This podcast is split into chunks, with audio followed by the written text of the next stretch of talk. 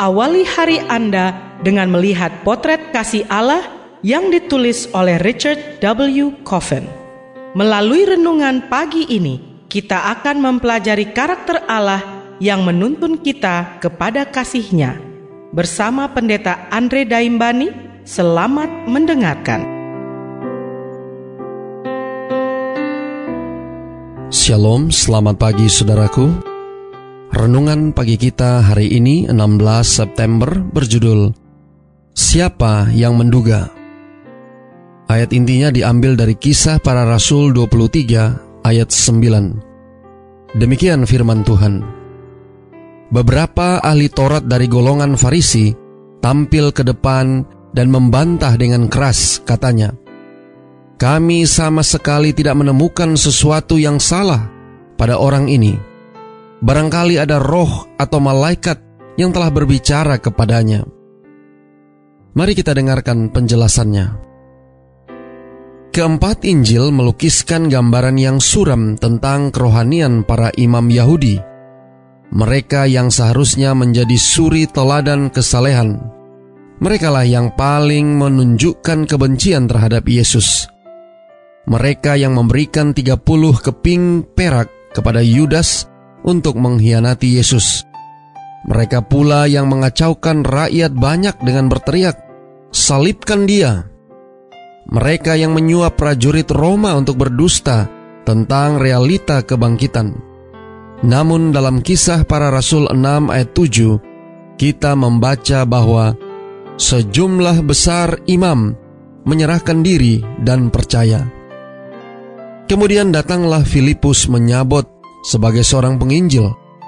Pertama, ajarannya membawa pada pertobatan banyak orang Samaria, orang-orang yang tidak disukai oleh bangsa Yahudi dan sebaliknya. Kedua, ia membaptis Simon, orang yang dianggap sebagai Allah. Ketiga, Filipus berjumpa di jalan dengan sida-sida dari Ethiopia, bendaharawan Meru, dan membaptisnya seorang Afrika yang dikebiri, yang tak memenuhi syarat menurut hukum. Siapa yang menduga? Dan kita tidak boleh melupakan orang Farisi pemarah yang hendak membasmi para pengikut Yesus. Kita pertama belajar tentang Saulus atau Paulus ketika ia berpangku tangan melihat orang-orang merajam Stefanus. Kemudian ia mendapat wewenang untuk memburu orang Kristen di Damsik. Tetapi setelah Kristus yang bangkit menghentikan langkahnya, semangat Saulus atau Paulus untuk membasmi orang Kristen berubah menjadi keinginan untuk membangunnya. Bukan hanya itu, tapi ia adalah penulis pertama bagian kitab suci yang kita kenal sebagai perjanjian baru. Siapa yang menduga? Orang-orang Farisi juga tidak mendapatkan pujian di dalam Injil. Merekalah yang menuduh Yesus telah mengabaikan hukum Musa, yang berusaha mereka taati hingga ke hal yang sekecil-kecilnya. Namun ketika Paulus dihadapkan kepada Claudius Lysius, mahkamah militer Roma yang terdapat di Menara Antonia dekat mahkamah agama untuk orang bukan Yahudi, orang-orang Farisi ini tiba-tiba tampil ke depan dan membantah dengan keras. Kami sama sekali tidak menemukan sesuatu yang salah pada orang ini. Mengapa? Karena Paulus telah menyatakan, Aku dihadapkan ke mahkamah ini karena aku mengharap akan kebangkitan orang mati. Dicatat dalam kisah 23 ayat 6. Siapa yang menduga?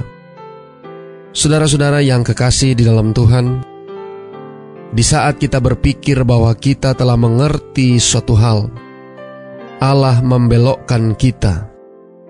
Baginya segala sesuatu mungkin. Dicatat dalam Matius 19 ayat 26. Dan ketidakmungkinan pun berubah menjadi keadaan yang sebenarnya. Siapa yang menduganya? Doa kita hari ini. Bapa, terima kasih. Melalui renungan pagi ini, kami dapat melihat satu pengalaman yang istimewa dari pertobatan seorang Paulus. Terima kasih melalui renungan pagi ini kami diajarkan untuk tidak melihat sebagaimana pandangan jasmani kami melihat kepada pertobatan seseorang. Tolong kami hari ini Bapa, biarlah dengan pertolongan kuasa roh kudusmu, setelah kami belajar dari pengalaman pertobatan Paulus, bagaimana Tuhan menggunakan dia menjadi saluran berkat bagi banyak orang percaya setelah zamannya, akan boleh dapat menolong kami untuk boleh semakin setia di dalam iman kami kepada Tuhan. Terima kasih Bapa. Inilah doa dan permohonan kami kepadamu. Semoga Tuhan senantiasa memberkati kita sekalian sepanjang hari ini saat kita melakukan aktivitas kita masing-masing.